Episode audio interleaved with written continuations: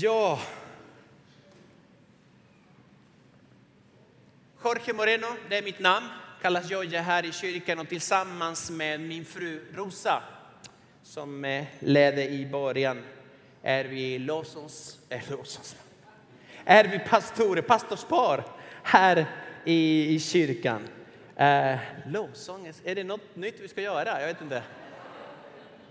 Uh, jag vet inte var det kommer ifrån. Kul att ni har kommit hit. Eh, lite varmt är det och eh, syret är en bristvara just nu, men det, det kommer. Det kommer mera. Eh, jag fick ett ämne att prata om idag som, eh, som egentligen eh, Rosa och jag har diskuterat. Vi har pratat om det här länge. Och det är eh, vad Jesus sysslar med. Vad är det han gör? Eh, så jag kommer att prata Eh, en sak idag och nästa vecka, ni har turen eller oturen att det är jag som predikar igen.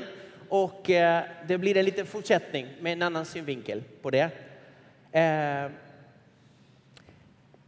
Jesus gjorde en, han ställde en fråga som är ganska avgörande till sina lärjungar, till de som hade vandrat med honom en lång tid, som hade sett genom stora under, de hade sett honom helt galna saker.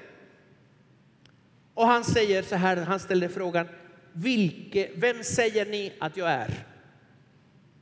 Och det här är en ganska bra, en ganska djup fråga för att beroende helt och hållet på vilken bild vi har av Jesus, det är också hur vi ska förhålla oss till honom. Och vi hämtar faktiskt vår identitet därifrån, från den bilden. Så det finns olika bilder på Jesus. Vi kan ha olika bilder, var och en av oss.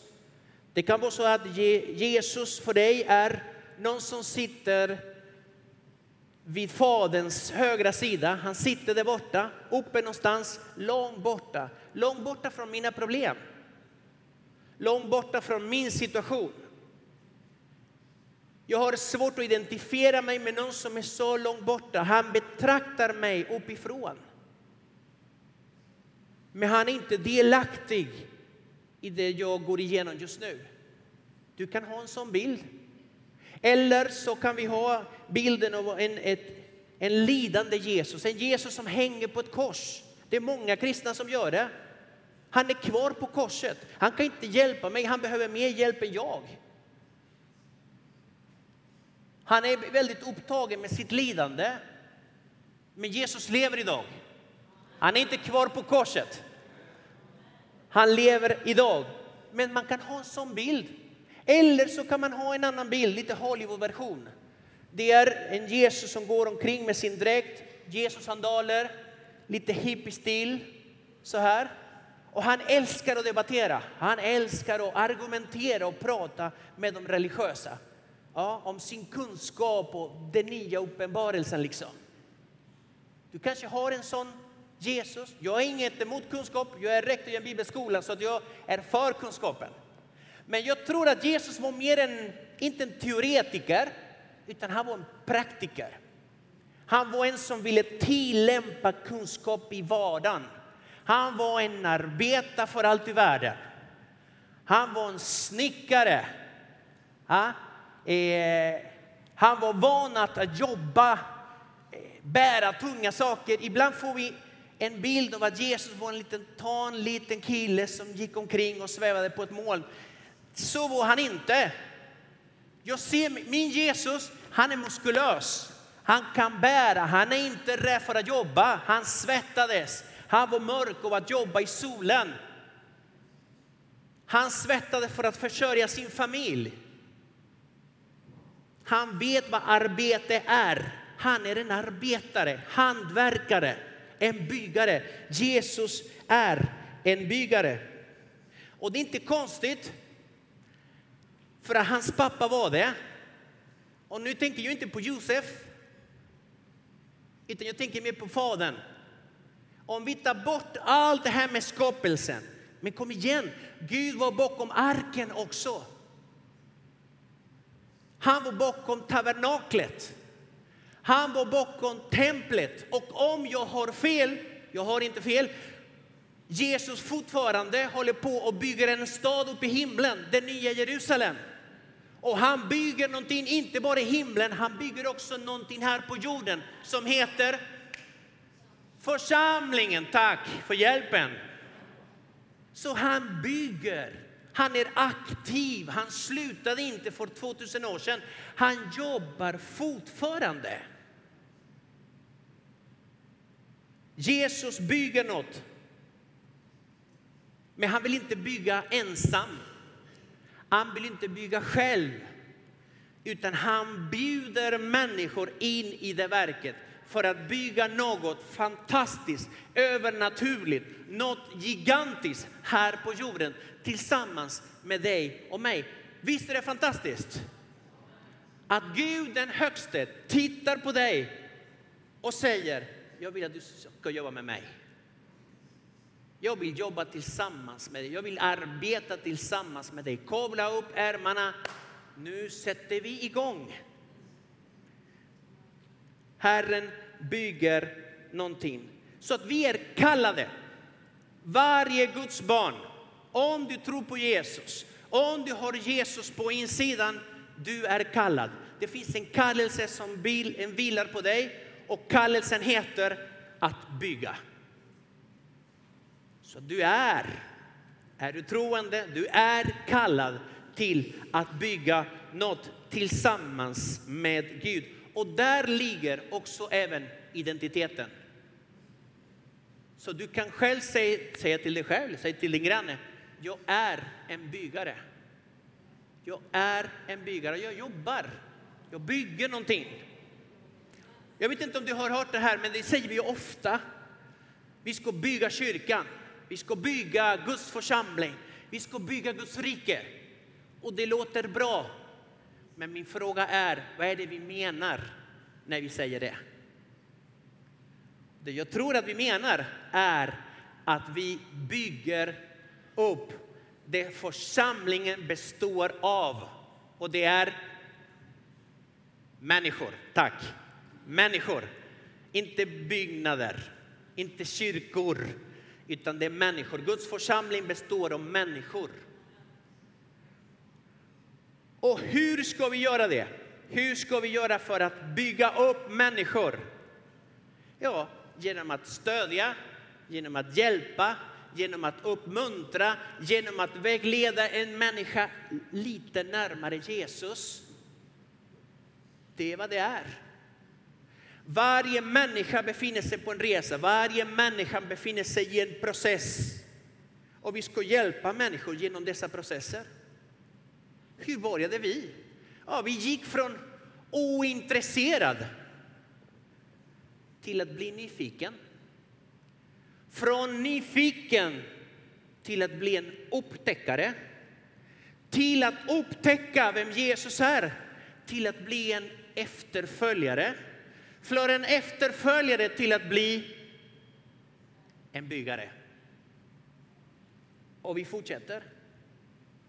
Så vi hjälper människor att upptäcka, jag är kallad av Gud till att bygga någonting, att jobba med människor.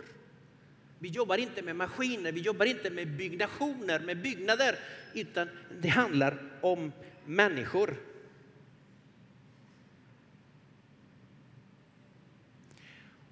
Och det jag kommer att prata om idag, det är en typ av byggnation. Nästa vecka kommer jag att prata om en annan. Idag kommer jag att prata om broar. Att bygga broar. Vi är kallade att bygga broar. Som byggare, vi är kallade att bygga, vadå? Broar. Broar har alltid fascinerat människor. De kan se olika ut, det finns olika material och så vidare, men funktionen är alltid densamma. Funktionen är alltid densamma, och det är att förena två platser som inte har någon förbindelse, någon kontakt, någon relation med varandra. Du har en stad här, en stad där och emellan, det kan vara en flod, det kan vara en sjö, det kan vara eh, en avgrund där behövs en bro för att kunna eh, relationera dessa städer, dessa platser med varandra. Och i en andlig mening är Jesus en bro. Han är en bro. Varför då? För att avståndet som fanns mellan Gud och människan, det var enormt. Det fanns en enorm avstånd och det behövdes en bro. Någon som kunde överbrygga det avståndet. Jesus är bron.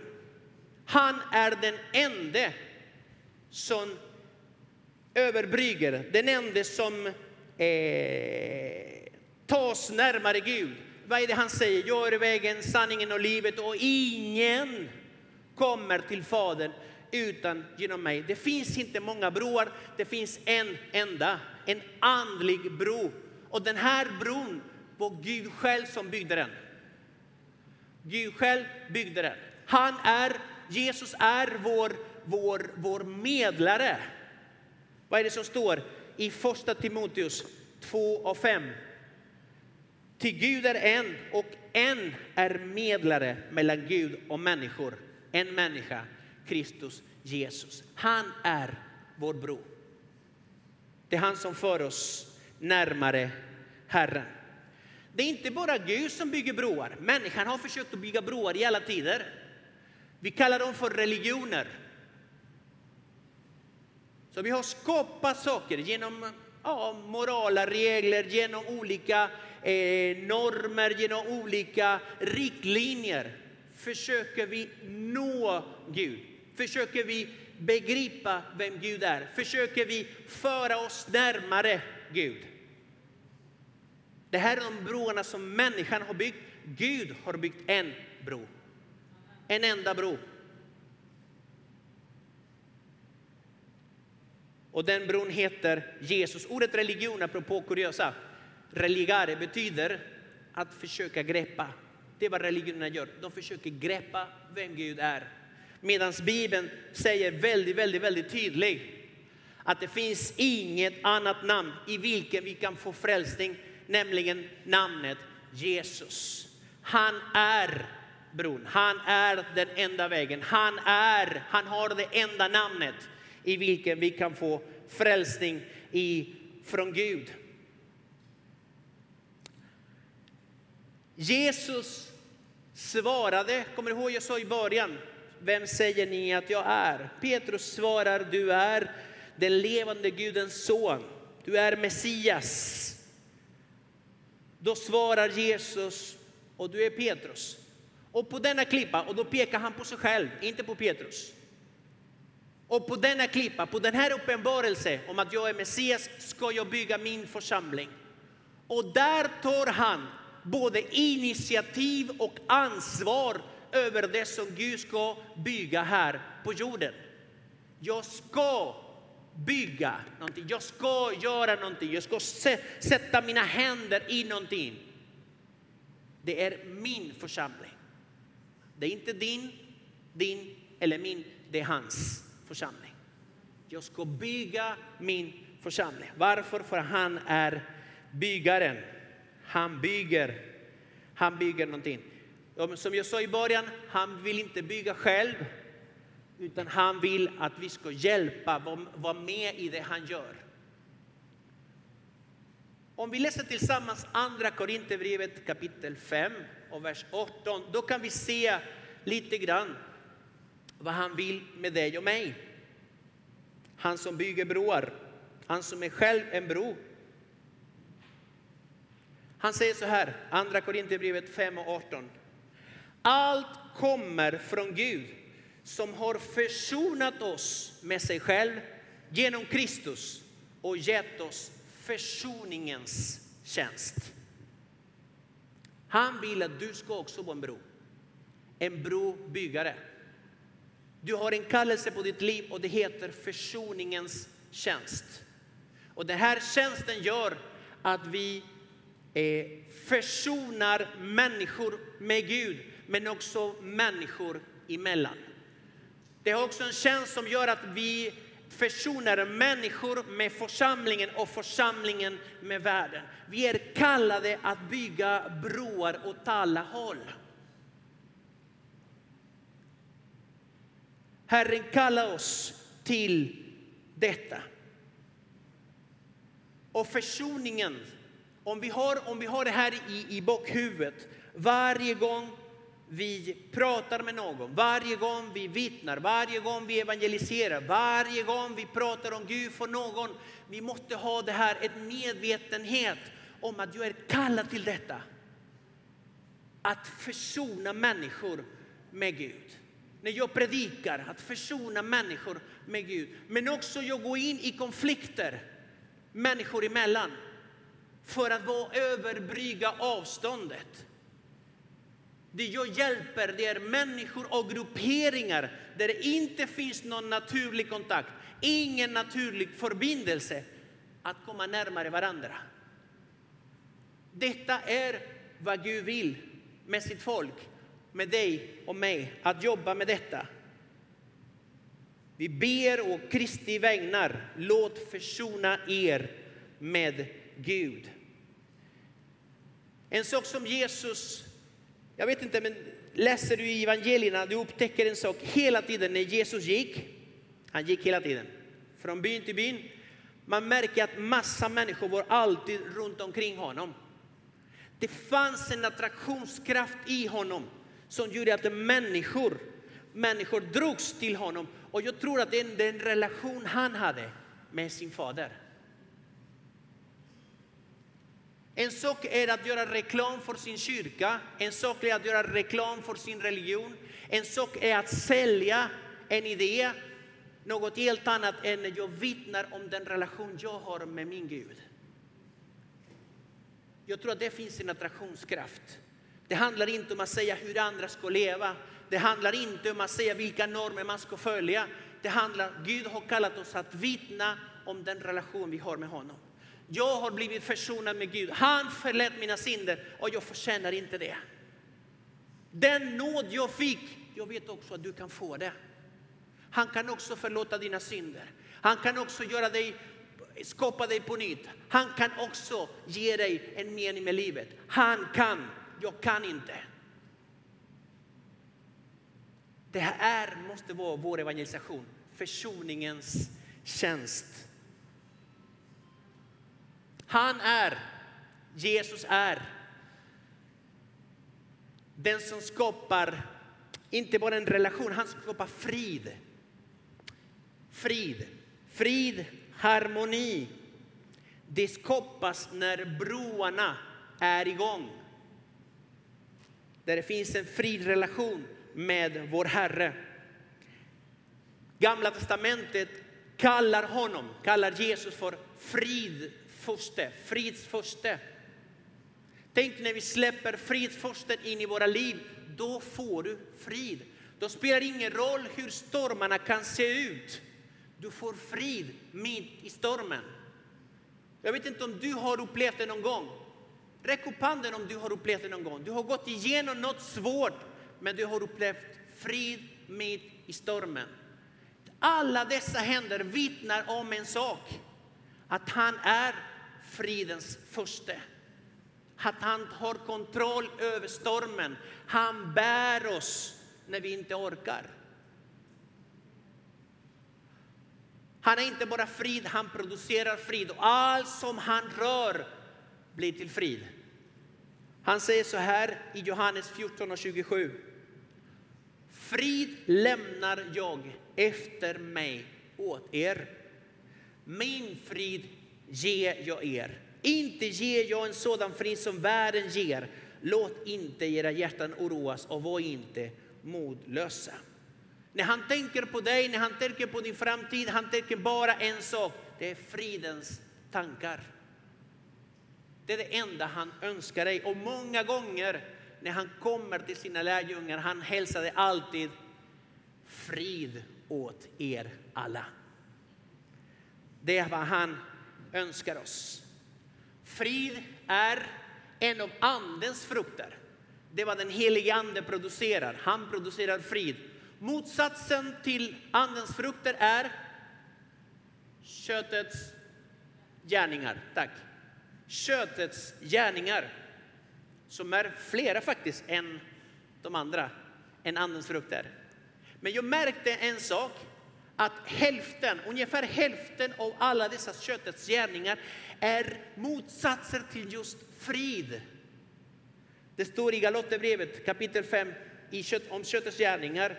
Köttets gärningar är fiendskap, det är kiv, det är avund, det är vredesutbrott, det är gräll, det är splittringar, det är illvilja. Allt detta talar emot just friden. Så Gud vill producera frid och han använder sig av dig och mig. Vet du vad han säger i Matteus kapitel 5? Saliga är de som skapar frid.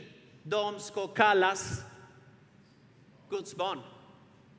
Så om det finns någonting som kännetecknar ett Guds barn är att den personen skapar frid, bygger broar.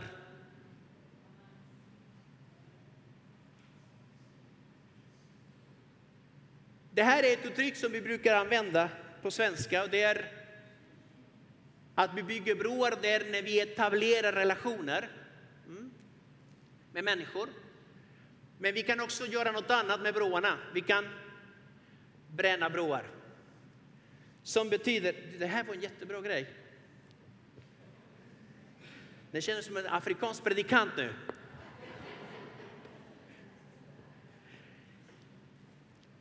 Eh, och det är just när man inte skapar frid, utan när man skapar splittring.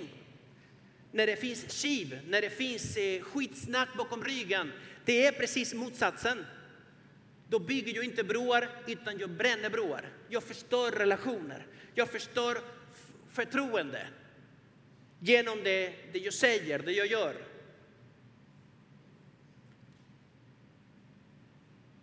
Jesus var expert på att bygga broar. Han, han hade en sån han hade en sån visdom, en sån vishet. Alltså, han, han var så vis på att skapa broar till människor. En dag som idag, varm och svettig och kladdig, kommer han till en bro och då finns det en kvinna där i Samarien. Kan jag få lite vatten? Och då börjar ett samtal som mynnar ut i att hon upptäcker att hon är framför Messias. Som det mynnar ut i att hon springer därifrån och börjar predika evangeliet för en hel stad. Som slutar med att en hel stad kommer till Jesus, sätt dig snälla och talar om för oss Guds ord. Han byggde en bro till en kvinna och den kvinnan byggde broar till en hel stad.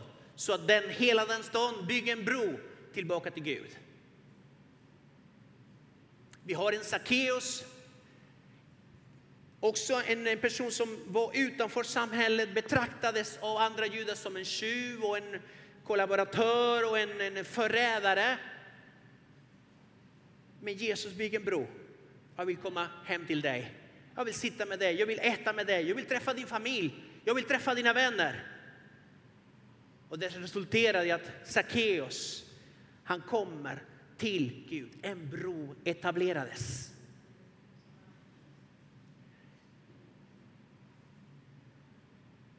Jag tror att samma sak vill Gud göra här och nu. Att vi, du och jag, bygger broar till våra närmaste, till våra vänner och till dem som vi inte gillar också. För Gud vill nå dem också.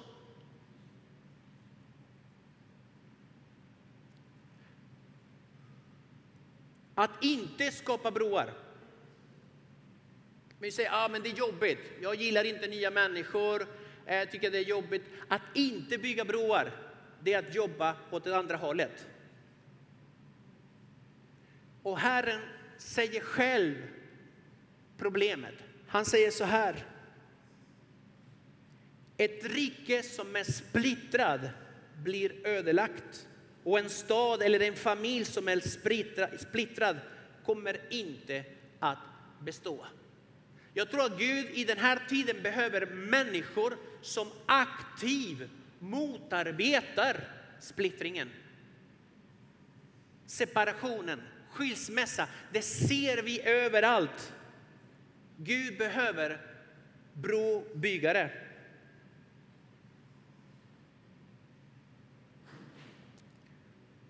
Hur ska vi göra det? Broar byggs genom det vi säger. Men splittringen också kommer därifrån genom det vi säger. Försiktig med att kritisera för mycket. Men får man inte kritisera? Jo, det får man. Men försiktig så att du inte hamnar i, en, i ett läge där du kritiserar precis allt. Det är fel på allt. Då är du inte en brobyggare. Du är mer en splittrare. Försiktig med vem du säger det till, för det du har börjar smitta av sig på andra. Försiktig så det är inte bara du som ser fel på allt, utan de som är bredvid dig också ser fel på allt. Istället bygg broar. Var en brobyggare. Genom det vi säger, genom det vi gör. Att hjälpa andra, stödja andra, sträck ut dina, din, din hand för att hjälpa någon annan. Så bygger vi broar. Många gånger det som kommer att göra att människor blir berörda, det är inte så mycket våra ord, det vi säger, utan mer det vi gör. När vår kärlek får handlingar, en handling. Vår attityd bygger broar. Vårt språk, hur vi kommunicerar. Tänk om människor kommer och ser en öppen famn istället för det bästa du ställer dig där borta. Tyvärr lever vi i ett samhälle som placerar människor där borta, utanför. Men tänk om vi ska vara ett exempel på integration. Där svenskar och icke-svenskar, det är ändå en familj.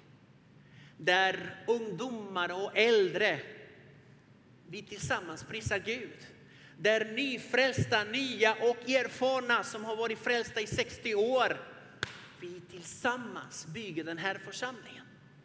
Tänk dig om vi kan göra det. Det vi inte ser i samhället, det ser vi i Guds församling. Låt inte det som finns där ute smitta sig in i det som Gud håller på här. Låt oss samarbeta med det Gud vill göra istället för att motarbeta det han vill göra. Det finns, vad skrev jag här? Det finns andliga resurser, resurser ifrån himlen till de som jobbar för friden, till de som vill bygga broar. Och en av dem är visdom. I Jakobs brev kapitel 3 det talas om den visdom från Gud. Vers 17 och 18. Och det står så här, visdomen, vissheten ovanifrån, den som kommer från Gud, är först och främst ren. Vidare fredlig. Fredlig, mild, foglig.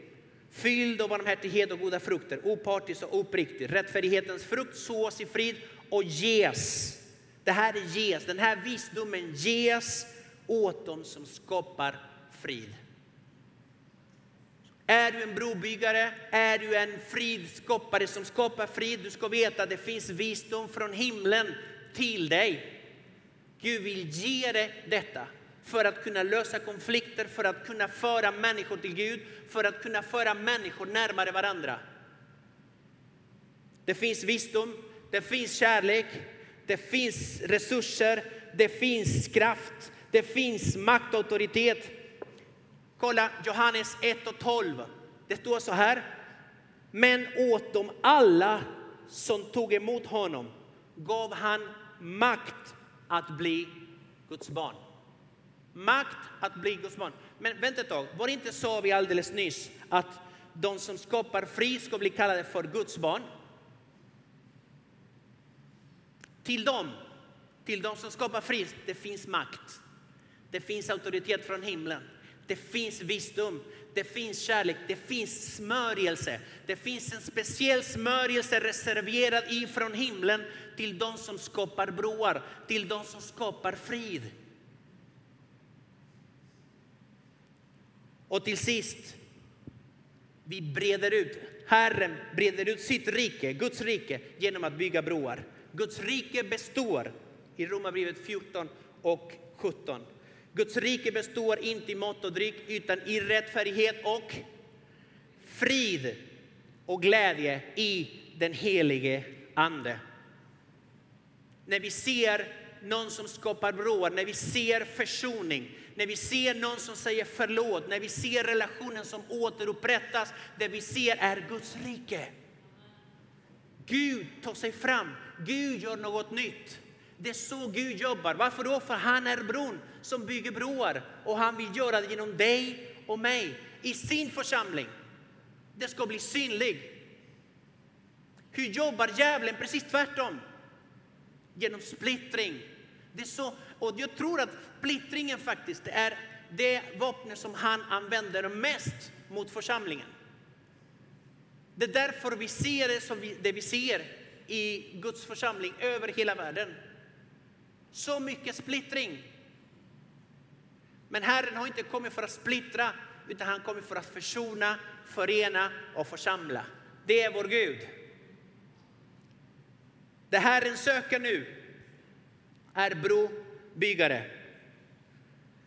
Människor som är en inkluderande kraft. Människor som en förenande kraft. Brobyggare är människor som sätter värde på relationer. Brobyggare är människor som tror på andra människor, som satsar på andra människor. I hela Bibeln är full av sånt. Vi har en Jonatan som satsade på en David som inte var kung än. Vi har en Barnabas som satsade på en Paulus som var inte så populär. Vi har en Jesus som satsade på en Petrus. För sanningen är att Jesus trodde mer på Petrus än Petrus på Jesus. Men han, Jesus satsade på Petrus. Tänk om vi är bro, blir brobyggare som börjar satsa på andra människor. Som börjar förena människor. Istället för att snacka, vi gör mer. Mm. Låt oss bli brobyggare. Det sista jag vill säga är att, att bygga broar har att göra med tjänstegåvorna. Tjänstegåvorna är gåvor från Gud, strömmar från Gud. En övernaturlig ström till att bygga upp församlingen. Jag tror att om du känner att jag, men jag vill göra det, jag vill bli, jag vill, jag vill samarbeta med Gud, jag vill, jag vill bygga broar åt alla håll. Jag tror att det finns något av herdegåva i dig. Det finns några fläckar, några ränder av det. För att det ingår i den, i den gåvan att förena och församla. Låt oss bli brobyggare i Guds församling. Kan vi stå upp en liten stund? Om en liten stund kommer vi att prisa Gud. En stund.